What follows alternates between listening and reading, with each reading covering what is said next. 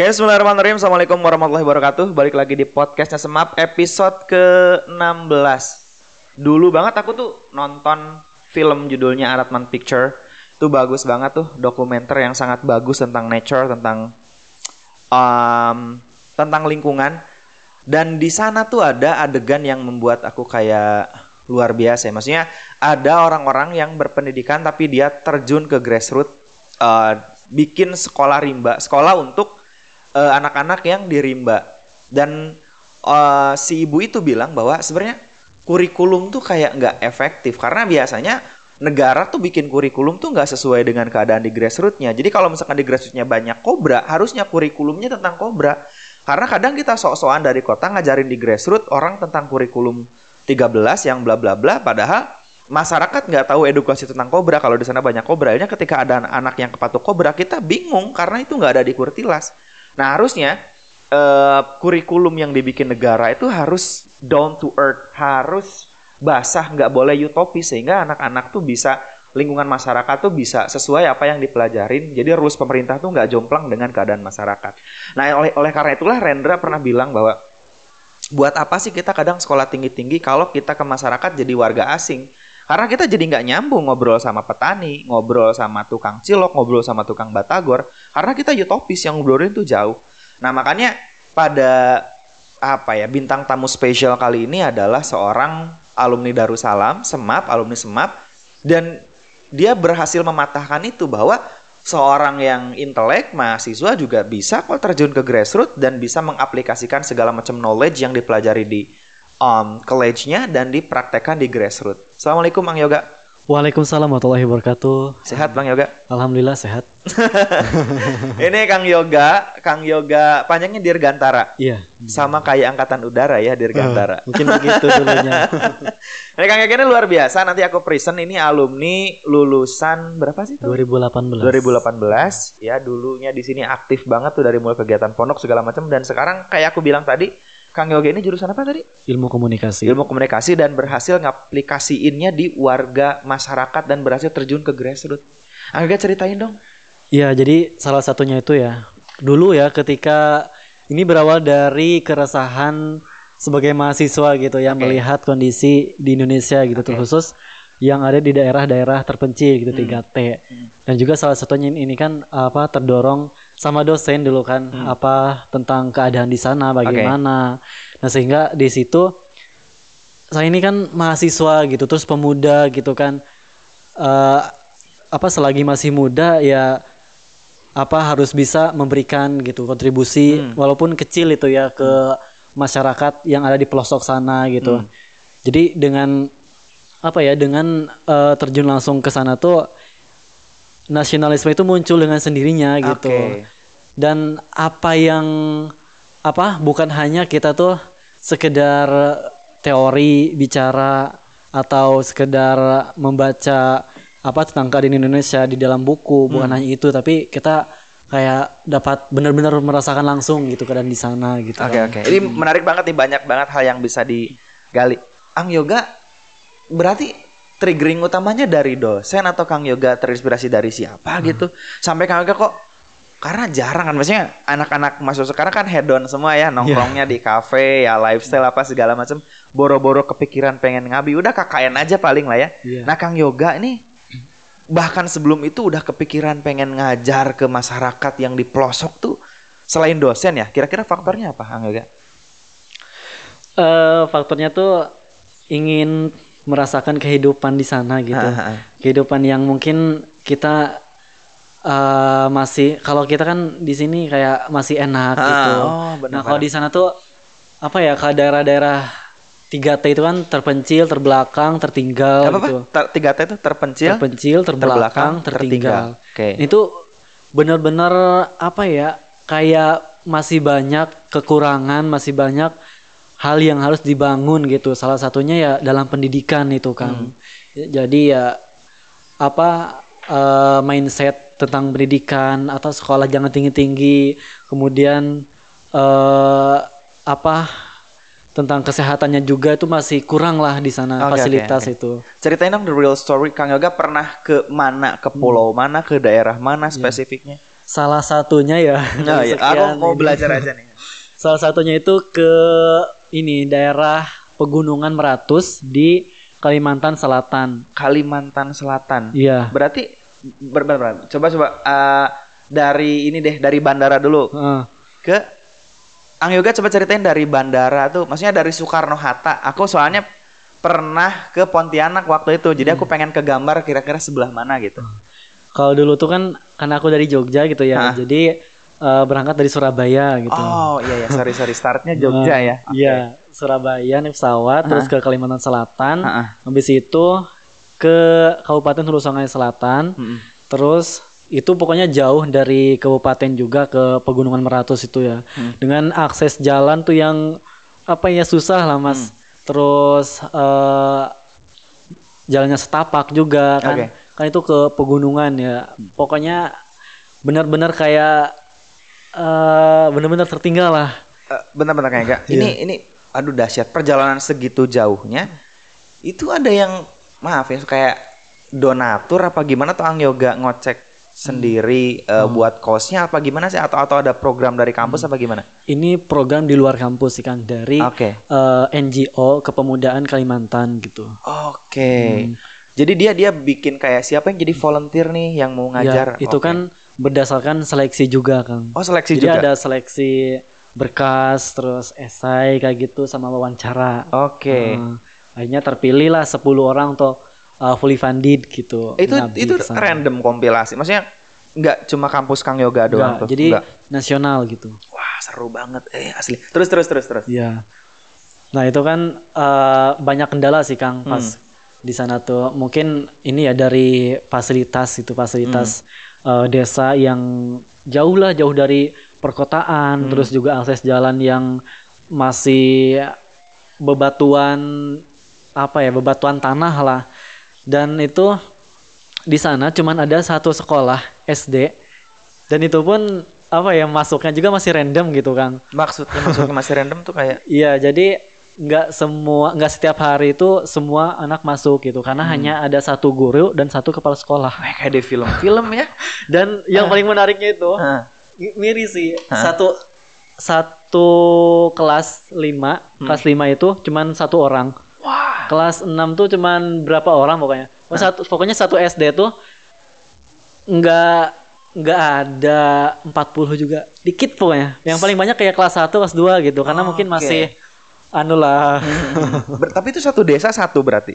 Iya, satu Satu. desa satu. Eh, Itu itu itu, itu SD maksudnya kalau SMP nggak ada banget. Kalau berarti. SMP harus ke kota. harus ke kota. Nah, itu dan lumayan jauh sih kan. Hmm. Nah berarti volunteer di sana Kang Yoga tuh kayak aku nggak tahu semacam di mana tempat tinggalnya atau kayak gimana gimana. Nah, jadi kan kemarin tuh di daerah adat juga gitu ya. Hmm. Jadi di tempat kalau di sana tuh di, eh di sana sorry Dayak bukan sih? bukan suku Kaharingan. Aduh aku baru denger ya. Keharingan. mungkin Oke. suku Banjar sih ya mungkin orang nyebutnya. Oke. Cuman eh, lebih tepatnya kalau di sana Kaharingan gitu. Hmm. Agamanya juga itu semi semi Hindu. Soalnya ada ada kayak Animisme gitu mungkin ya apa? Bukan. Eh, Enggak, bukan beda, sih, beda. beda. Semi Hindu cuman kayak Kristen juga gitu. Oh, aduh unik banget ya. Cuman iya, yang paling menariknya tuh di sana toleransinya itu, Kang. Keren ya? Keren banget. Iya keren banget ya. Padahal kami ini kan banyak yang muslim juga. Heeh. Tapi kayak mereka menyediakan tempat ibadah gitu dan rukun gitu di sana. Wah keren banget. Aku jadi ini ya justru apa akulturasi bahkan mungkin kalau dalam bidang religion kalau di kita kan ada Sunda Bebitan tuh Hmm. dulu negara maksa banget tuh ini Hindu apa Kristen ya enggak ini Sunda Bebitan aja gitu makanya pas Kang Yoga bilang di sana mungkin ada semacam religi yang curug yang unik mungkin itu nggak bisa dikotak-kotakin Hindu apa Kristen emang itu unik aja gitu cuma mirip-mirip gitu ya Ah, mirip. apa namanya tadi Keharingan. keharingan. Ini aku harus browsing juga nih karena karena mungkin itu adalah kepercayaan yang leluhur yang udah lama banget. Cuma karena ya apa sih namanya wadah di pemerintahnya cuma itu kan Islam Hindu akhirnya harus milih gitu. Iya. Orang Bali aja harus milih antara ya Hindu padahal kan Hindu India sama Hindu Bali kan beda gitu maksudnya. Beda ya. Beda. Nah, agak coba coba apa lagi yang yang unik di di sana? Ya meskipun di sana kan daerahnya kayak gitu ya, Hmm. tapi semangat anak-anaknya itu loh untuk belajar tuh tinggi banget itu loh. Iya iya iya. Kan itu eh, saya kan di atas gitu ya di pegunungannya ya. Hmm. Itu mau kalau mau ke sekolah tuh ke bawah. Berapa kilo? Berapa? Hmm, dua kilo lah. Dua kilo. Tapi bisa diakses lewat kendaraan dong atau? Cuman satu motor. Oh, buat banyakan itu bolak-balik ya, berarti. itu kan satu desa tuh ada yang di bawah dan Hmm.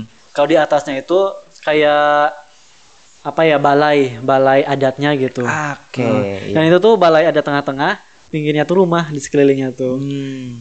Kalau uh, rumah-rumah yang lain tuh di bawah gitu, tapi masih sama gitu. Hmm.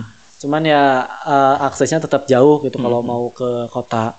Dan itu anak-anak di sana meskipun jauh ke sekolah kayak semangatnya itu kuat gitu. Terus kemarin juga pas pengabdian di sana antusiasmenya tuh luar biasa gitu.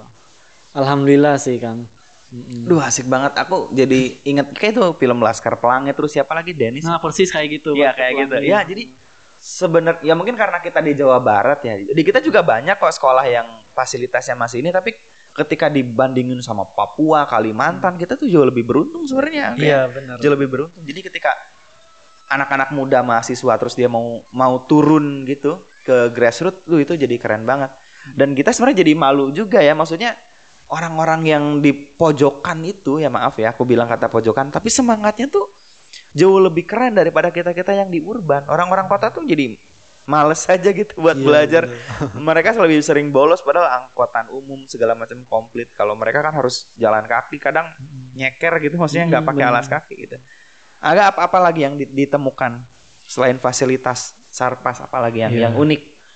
Eh, mungkin ini ya terkait kalau kalau pengabdian itu kan memang kayak kita mengabdi gitu kan Hmm. dengan sukarela. Oke. Jadi ya selain niat awal untuk Hmm. mengabdi itu juga kita dapat relasi itu Hmm. kekeluargaan Oke. dengan teman-teman yang eh, notabene latar belakangnya berbeda gitu dari mungkin latar belakang dari agama Hmm. Hmm. juga terus eh, daerah itu di situ kita menyatu punya tujuan yang sama punya visi misi yang apa untuk mencerdaskan lah gitu Hmm. anak bangsa di daerah pelosok gitu sehingga eh, kekeluargaannya itu tumbuh dengan sendirinya gitu dan Oke. sampai saat ini tuh kita benar-benar solid lah kang gitu Eh, Tapi kalau ada ada nggak yang yang ngirim SMS, WA atau surat mungkin Iya. dari murid-murid Kang Yoga di sana masih ingat mungkin Ah. atau apa gitu mungkin karena karena yakin berbekas banget sih. ya kalau berbekas banget. kalau teknologi itu di sana masih kurang sih Oh, kang masih kurang. ya Sinyal ada nggak di sana sinyal? sinyal tuh untung-untungan itu juga harus ke puncaknya puncak gunung Oh, baru ada di sana. ya itu juga satu dua Telkomsel doang Oh ya satu bar doang gitu. alhamdulillah itu kondisinya pas lagi nggak kuliah sih oh. Berarti lama lama di sana berapa? satu pekan aja sih Satu pekan. Hmm, Oke, tapi sangat membekas lah itu oh. Aduh banyak yang harus digali sebenarnya. Aku tuh suka banget film Thailand judulnya The Teacher Diary kalau nggak salah. Dia tuh orang yang ngajar di sekolah perahu gitu. Hmm. Jadi dan di sana juga susah sinyal. Anak-anak yang belajar cuma lima orang gitu-gitu. Tapi kayak terbersit, aduh kayak pengen gitu belajar ngajar di pedalaman gitu yang anak-anaknya ya dengan berbagai macam keterbatasan cuma dia semangatnya tinggi. Dan ketika tadi Ang Yoga bilang gitu gambarannya jadi wah jadi kok keren ya gitu. Maksudnya orang-orang yang karena tadi aku bilang gitu dulu tuh agak bergeser sebenarnya habit mahasiswa. Dulu mahasiswa yang keren itu mahasiswa yang proletar maksudnya yang pakai bajunya agak robek-robek selera musiknya punk pakai sendal jepit rambutnya gondrong tuh keren banget dulu mahasiswa. Ya tahun 80 90-an ke sini ke sini mahasiswa jadi hedon gayanya jadi nongkrong di kafe justru dulu mahasiswa yang hedon tuh suka diledekin kapitalis bla bla bla karena yang dulu yang keren tuh ya pemberontak ya kapitalis ya punk gitu gitu lagu-lagunya hardcore. Pas sekarang kok mahasiswa kok jadi lagu-lagunya jazz-jazzan kayak gitu jadi Iya, jadi agak paradoks gitu jadi agak bergeser jadi gimana ya ukuran kerennya beda. Justru ketika ada mahasiswa yang masih mau ngajar masih mau sukarela nyumbangin pengetahuan knowledge-nya ke masyarakat umum yang awam yang di pedalaman itu jauh keren- lebih keren jadi Kang Yoga masuk menurut aku pribadi mahasiswa yang keren sih karena hanya berapa persen dari sekian mahasiswa yang mau untuk itu Iya. gitu meskipun ya apa ya kami itu di sana nggak besar lah gitu Ah. apa yang diberikannya gitu Oke. tapi usahanya itu loh mas Hmm. apa meskipun sedikit gitu tapi kita udah punya apa kepedulian lah gitu Hmm. ke mereka Oke. gitu kan dan di sana tuh apa ya banyak banget ilmu yang didapatkan gitu. Hmm. selain pengetahuan gitu tapi pengalaman juga juga kan. Ya dengan sendirinya ya tumbuh toleransi gitu loh kan Hmm. dan apa ya nasionalisme itu benar-benar tumbuh ketika kita terjun langsung gitu. Jadi kalau hanya sebatas cuman baca teori tentang Indonesia kayak gini kayak gini. Terus eh, dengar dari dosen dari guru itu belum sampai 100% belum Iya. sampai ah gitu ya. Iya. kalau benar-benar terj- udah terjun tuh kayak benar-benar udah 100% kita merasakan gitu. Oke. beda banget beda feelnya. Beda banget. Nih, karena gini Ang ya aduh. Kadang kita malu juga ya. Oke kita kita belajar tentang falsafah negara segala macam ya. Kita juga belajar tentang komunisme apa segala macam tapi yang jadi keren adalah orang-orang yang seolah-olah nggak belajar di akademisi tapi mereka di praktikal mereka bisa melakukan itu. Orang-orang di daerah tuh mereka sangat plural mereka sangat sangat nasionalis mereka sangat apa ya di di itu di disusuru. Kalau karena itu ada Kristen Sundawitan sama Islam ya. Iya. kalau misalkan genteng masjid bocor yang Kristen tuh ikut bantuin yang Sundawitan juga ikut bantuin. Begitupun kalau gerejanya yang yang Islam tuh ikut bantuin. Itu kayak keindahan yang luar biasa gitu ya. Wah keren. Padahal kita yang seolah-olah aku nasionalis banget nih di kampus belum tentu kita bisa se semoderat itu gitu sama Iya, orang. benar. tapi ibu-ibu bapak-bapak ini yang nggak belajar falsafah negara mereka bisa praktikal dengan bagus. Dan kata Angga tadi ya kita justru dimaripatkan nasionalisnya justru ketika kita terjun di lapangan gitu. Ah, ah, bener banget. Di lapangan. Agak aduh ini banyak hal juga nih karena Angga ini potensinya banyak. Di antaranya Angga ini sekarang sering ngepost di Instagram or TikTok mungkin tentang filsafat atau apa? Ah, iya Iya iya. Maksudnya unik nih unik karena biasa kan filsafat tuh berat banget kan. Tapi tiba-tiba diobrolin di Instagram sama TikTok kan jadi ngebantu banyak orang dan orang-orang nggak takut tentang filsafat gitu. Atau Ang- ceritain deh gimana Angga? Ya ini awalnya sih karena mungkin dulu pas sebelum masuk kuliah itu pengen ada ketertarikan ke filsafat gitu Oke. ya masuk filsafat Oke. Dan namun nggak nggak kesampaian gitu Hmm. kan dan akhirnya saya buat platform platform namanya tuh at dialektika filsafat Itu IG. Iya. Apa TikTok? IG IG. Oke. Ah. Iya jadi salah satunya saya punya platform IG Mhm. namanya dialektika filsafat di sana khusus mengenalkan tentang filsafat gitu Kang untuk apa ya memecahkan eh, dogma yang menyatakan bahwa filsafat itu mungkin orang-orang masih berpandangan filsafat itu etis gitu Oke. atau eh, apa ya istilahnya tuh Ya orang-orang yang seolah-olah filsafat itu iya. kan utopis ngobrolnya, terus Iya. nggak down to earth, nggak praktikal, nggak hulang terus. Padahal ya filsafat itu sangat dibutuhkan di daily life kebutuhan Ah, sehari-hari. iya. Orang filsafat juga kepanjangan dari nalar. Nah, jadi aku yakin Ang Yoga jenius banget nih bisa bisa punya kesadaran seperti itu. Karena orang-orang ketika ngobrol tentang filsafat tahu udah ya mau. ya. Ya berat terus ngelantur aja ya udah nggak ada gunanya juga gitu. Nggak nggak ada kontribusinya untuk kehidupan sehari-hari. Nah jadi ketika Ang Yoga punya punya platform ini ini jadi jembatan jadi USB konektor menarik nih untuk Iya. teman-teman belajar. Meskipun berat gitu ya kan bahasannya tapi mungkin eh, nggak terasakan secara langsung gitu ya. Tapi secara tidak sadar itu tuh benar-benar eh, menunjang kekuatan berpikir kritis Oke, kita oke, gitu. Iya. Kalau aku sering bilangnya kan otak manusia itu ada new cortex-nya ya, ada ada untuk nyaringnya. Dan kalau kita belajar filsafat kita jadi semakin kita nggak latah ketika ada informasi di internet apa pun. Orang kita kan belajar filsafat, kita belajar ketajaman nalar, kita nggak nggak gampang kaget. Bambang Sugiarto juga ahli filsafat, profesor filsafat Bambang Sugiarto, dia bilang bahwa filsafat itu ya sebenarnya kepanjangan dari nalar. Manusia tuh hakikatnya berfilsafat. Waktu kita kecil kan kita sering nanya gitu ke orang tua kenapa kita harus makan, kenapa harus sekolah, kenapa harus kerja, kenapa harus nikah, kenapa, kenapa, kenapa.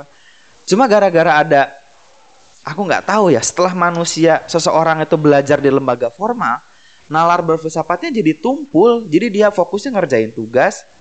Habis itu dia pengen jadi PNS, habis itu nikah, habis itu meninggal. Udah udah nggak ada nalar kritisnya udah nggak ada lagi Ah, gitu. bener. Dia berfilsafat lagi ketika udah usia 60-an ketika mau meninggal baru ini hidup ngapain aja ya gitu.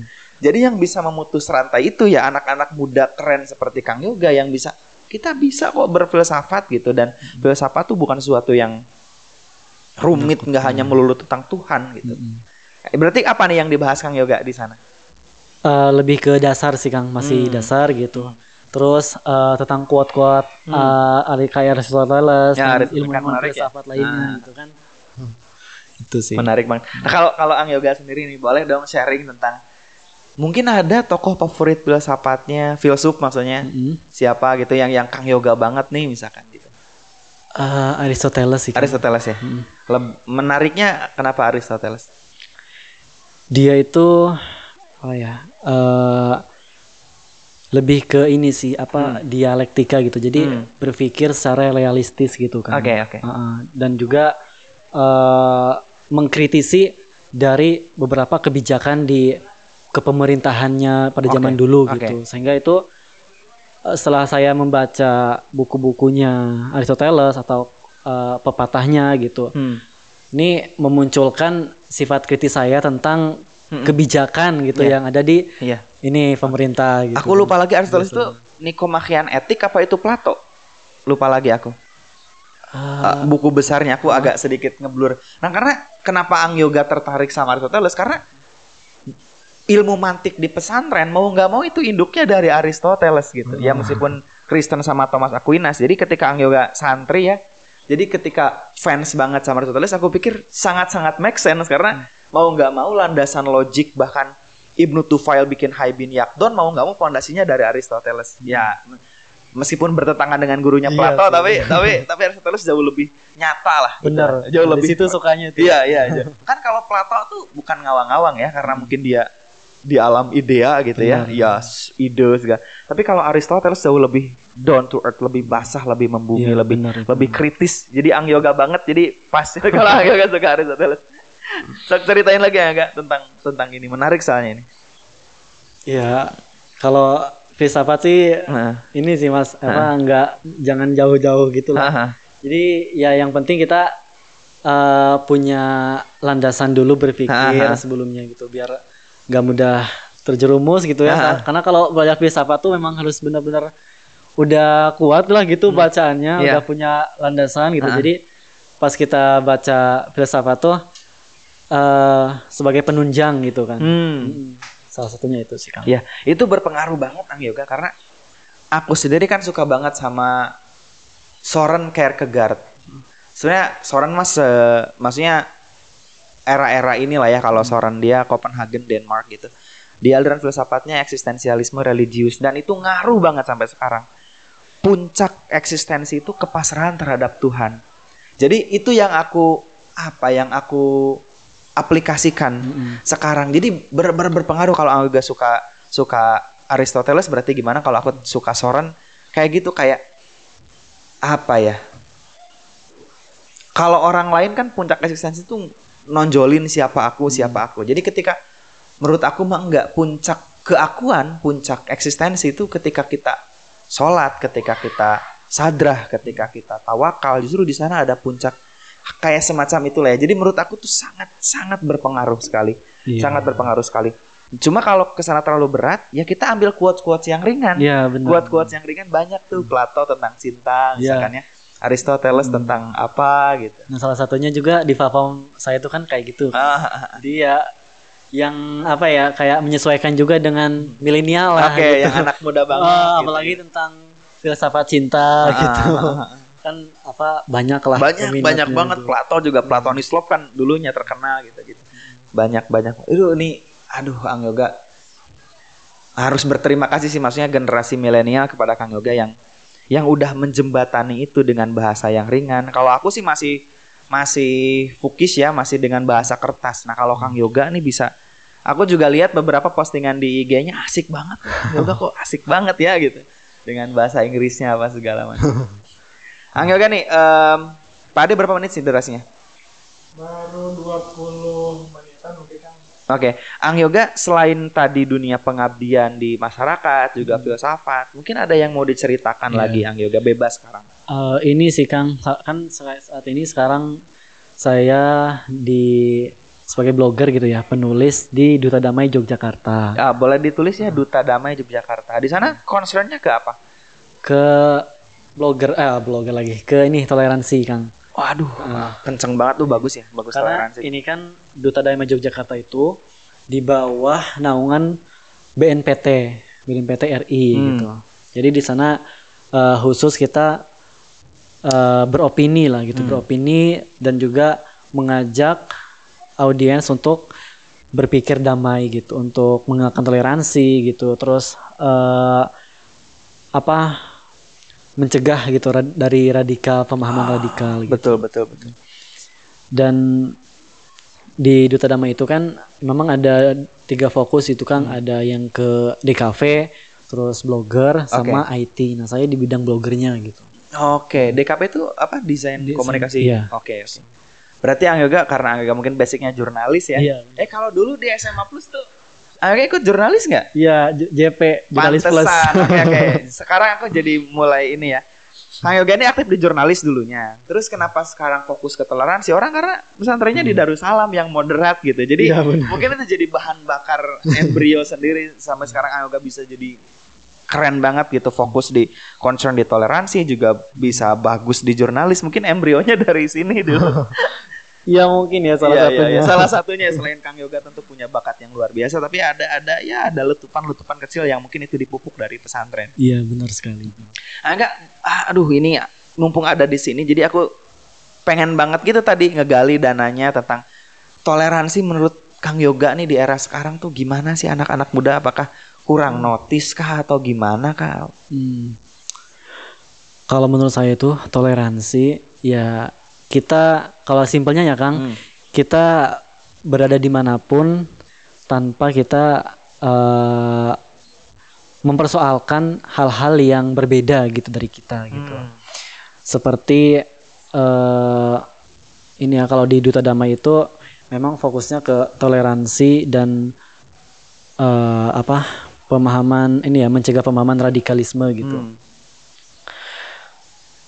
Karena apa ya Ang Yoga?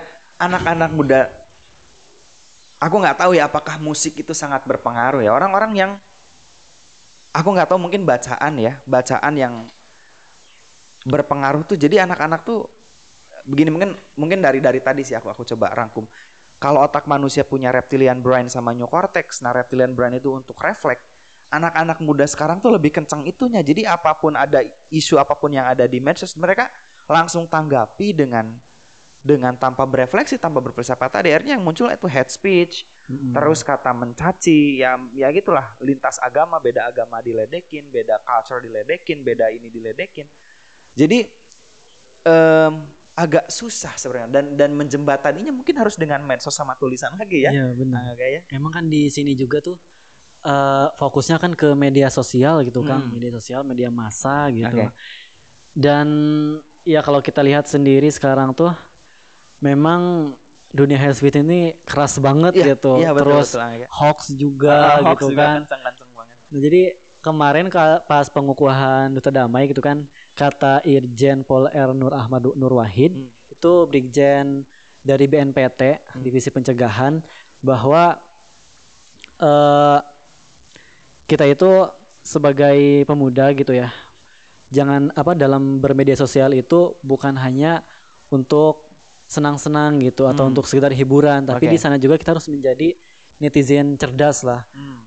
tidak eh, mengkonsumsi semua berita, semua informasi yang ada di sana, tapi harus benar-benar menyaring lah, Kang. Oke. Menyaring terus eh, kalau perlu ditelusuri gitu. Oke. Hmm, Karena yang menjadi biangnya itu ya kayak gitu. Mm-mm.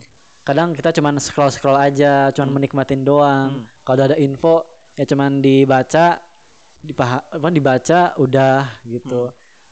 Itu kayaknya tuh emang ini ya apa eh, penyebab utamanya gitu paling Iya, besar iya, gitu betul, kan. betul. Berkembangnya itu hate speech. Terus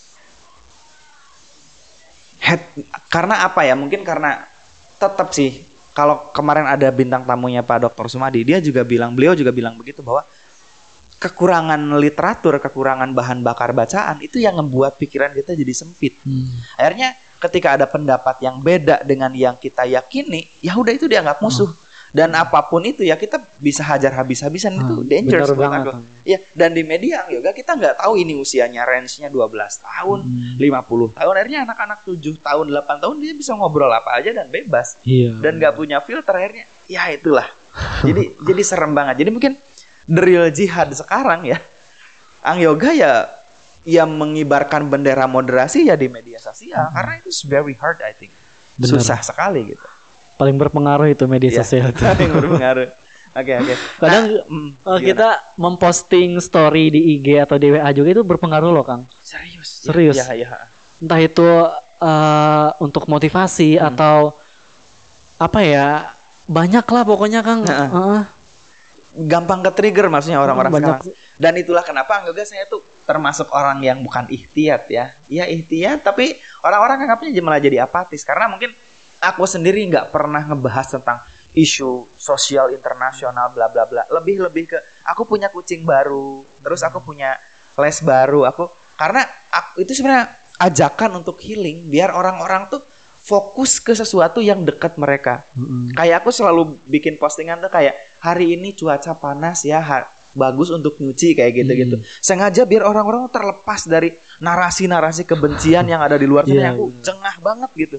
Makanya orang banyak mahasiswa yang Zam, padahal kamu tuh belajar filsafat, belajar belajar segala macam, tapi kamu belum pernah ngebahas tentang konspirasi coronavirus misalkan. Oh. Aku nggak Berat ya, Kang. ya, ya bukan aku buat apa gitu maksudnya aku aku ya udah kita lebih lebih lebih enak kalau kita healing kita menyadari kita sedang apa apa yang kita lakukan terus kita berbagi berbagi energi kebaikan. Sehingga narasi-narasi besar yang negatif itu lama-lama akan terputus.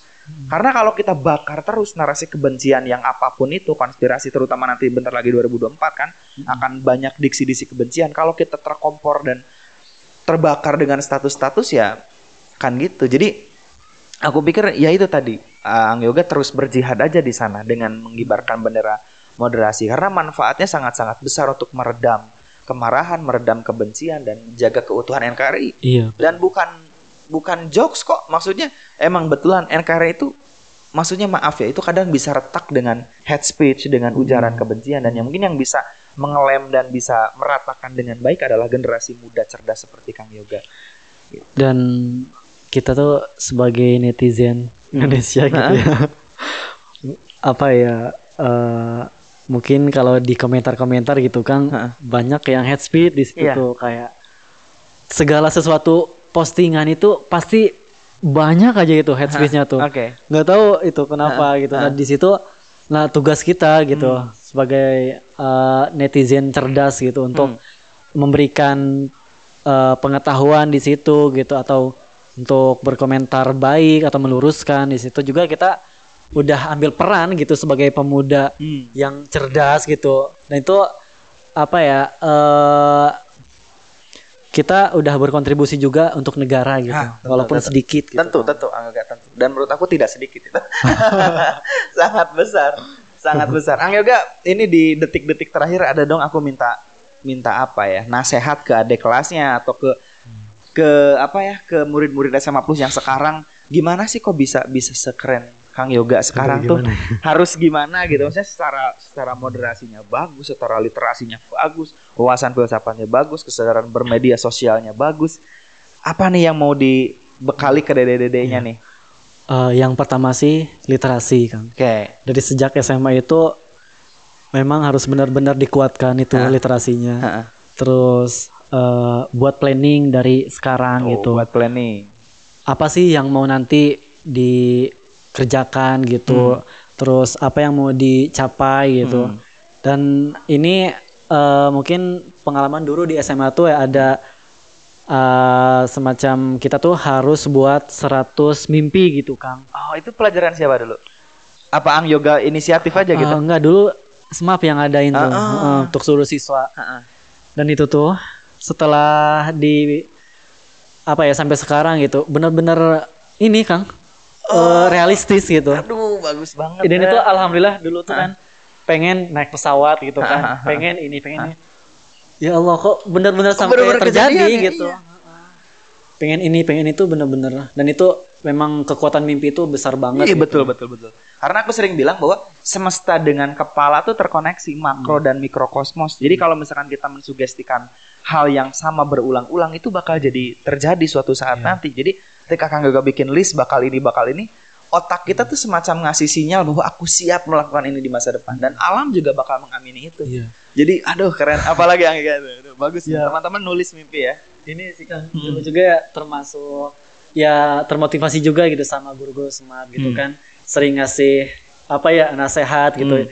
bahwa kita tuh harus berani gitu. Ah. Nah itu apalagi kalau udah masuk dunia kampus ya. Ah. Wah itu kalau kita pendiam terus eh kurang bersosialisasi itu tuh Heeh. bakal tertinggal ya gitu. kegiles lah ya pokoknya. Benar, jadi dan juga harus ada ini ya tiga tiga kunci gitu Hmm. ada keinginan Keinginan, action action, terus tawakal Ah, Atau doa iya, gitu. harus lengkap satu paket itu ya. tiga itu tuh bener bener paling kuat Hmm. pokoknya meskipun kita kayak ngerasa ini kok nggak bisa gitu ya nggak bisa jangan pokoknya itu jangan bilang kayak gitu, gitu. yang penting ada keinginan aja Iya, iya. itu benar-benar aku udah rasain gitu kang Eh pernah gitu ya mau ikut kegiatan ini kegiatan itu gitu sampai eh apa ya ikut apa sih dulu tuh lomba gitu kan Hmm. Ini dan kayaknya tuh nggak bisa gitu tapi Maksudnya, setelah ya, ya, duh minder nih. Ah, minder macam. bener yang penting dan setelah aku ini ya eh, berpikir lagi gitu yang penting kita tuh yakin gitu Hmm. ingat kata Bu Una gitu. Oh ya Bu Una ya. Bu Una tuh kalau ini ya apa Kalau ngasih motivasi itu. Oh, yang penting apa saya yakin saya pasti bisa Oh. itu selalu aku tanemin gitu Ah, ah, ah. dan benar-benar ya Ah, ah. itulah benar-benar kekuatan kata-kata itu Iya, kuat banget iya kuat banget, kuat banget. Angga. kalau kita bilang nggak bisa ya otomatis secara tidak sadar juga otak bakal Iya, menerbinya itu iya. nggak bisa Ya itu dan aku tuh Ang Yoga beberapa satu tahun ini mendalami law of attraction, hubungan tarik menarik gitu antara otak dengan dengan semesta yang tadi itu. Contohnya ya, kenapa dulu aku nggak kaya kaya ya? Ternyata dalam pikiran kita kita masih ngebenci orang kaya. Maksudnya ya orang miskin mah cepat masuk surga gitu. Terus ya orang kaya mah apaan sih gitu kayak. Terus jadi ketika ada kedengkian terhadap orang kaya, kita menutup menutup energi uang untuk masuk. Terus kalau misalkan kita nggak memuliakan uang, contohnya kalau misalkan saya punya uang 100-200 ribu di dompet, tapi saya nggak naruh dengan hormat, dompetnya juga jelek, energi uangnya jadi tertolak. Tapi kalau misalkan saya punya uang 100 ribu, ini 50, ini uang recehnya di sini, di sana juga ada nggak ada struk hutang. Jadi energi uang tuh mengalir dan kita rezeki itu terbuka selebar-lebarnya. iya benar Jadi jadi ya itulah kekuatan apa sugesti, kekuatan keyakinan, kekuatan. Dan ternyata Allah itu ingda zoni abdihi. Jadi law of attraction itu dalam diksi Islamnya Allah ingda zoni abdihi. Allah ada dalam panyangka umatnya. Jadi kalau kita selalu positive thinking, pikiran Iya, kita jernih, benar. bersih, akan datang dan uang itu bagian daripada kepanjangan kekuasaan. Ya Benar. gitu. apa yang kita pikirkan itulah yang akan terjadi Ah, ya. Kayaknya Degat bilang gitu Oh, ya. kalau- Kamu adalah apa yang kamu pikirkan. Ngas, kenapa? Iya. Maka ini bukan. Apa? Selam apa? Aku berpikir maka aku, Aku ada. ada. Ah, ya. Nah, itu bisa Ya. yang paling terkenal. Aduh, Ang Yoga ini kaya sekali pembicaraan sekarang nih. Ang Yoga terus terus ada lagi ada lagi Nah, kan? ini ini ya apa kalau udah masuk dunia kampus nih kan ah. biasanya kan banyak banget eh, pilihan di sana Hmm. antara organisasi terus aktivitas yang lainnya gitu. Nah Oke. di situ kita harus pintar-pintar memilih. Hmm. Harus eh, tahu mungkin seperti yang udah di planning kan dulu Hmm. kita mau nyari apa, mau mencapai apa gitu. Di situ kita benar-benar eh, menyeleksi lah gitu. Hmm. Eh, mau ikut mana, ikut mana gitu. Biar eh, yang sesuai lah, sesuai dengan visi misi kita. Hmm. Karena di sana benar-benar nantinya itu akan bermanfaat gitu, akan mempengaruhi eh, jalan kehidupan kita ketika di perkuliahan itu kan. Oke. Oke, oke. Itu sih. Oke, makasih banyak Ang Yoga nu langsung di save ya teman-teman tadi banyak banget dari mulai nulis mimpi, tawakal apa segala macam termasuk juga jurusan kuliah. Ang Yoga makasih banyak nih udah datang jauh-jauh mungkin dari Jogja tapi mungkin ada waktu di sini jadi Siap. sekalian aja diundang. Alumni kedua setelah Bang Sandi, Semap bangga sekali karena bisa menelurkan alumni-alumni yang keren Justru tentu itu juga ada ada bakat, ada kemauan, tapi juga semap juga memberikan energi yang sangat positif.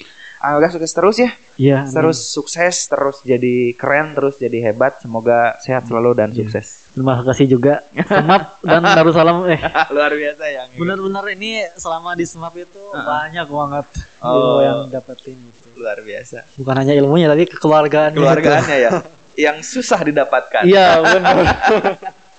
Ya Angga nanti harus ada lagi mungkin ya next time Angga mungkin diundang lagi ya dalam sesi yang lain.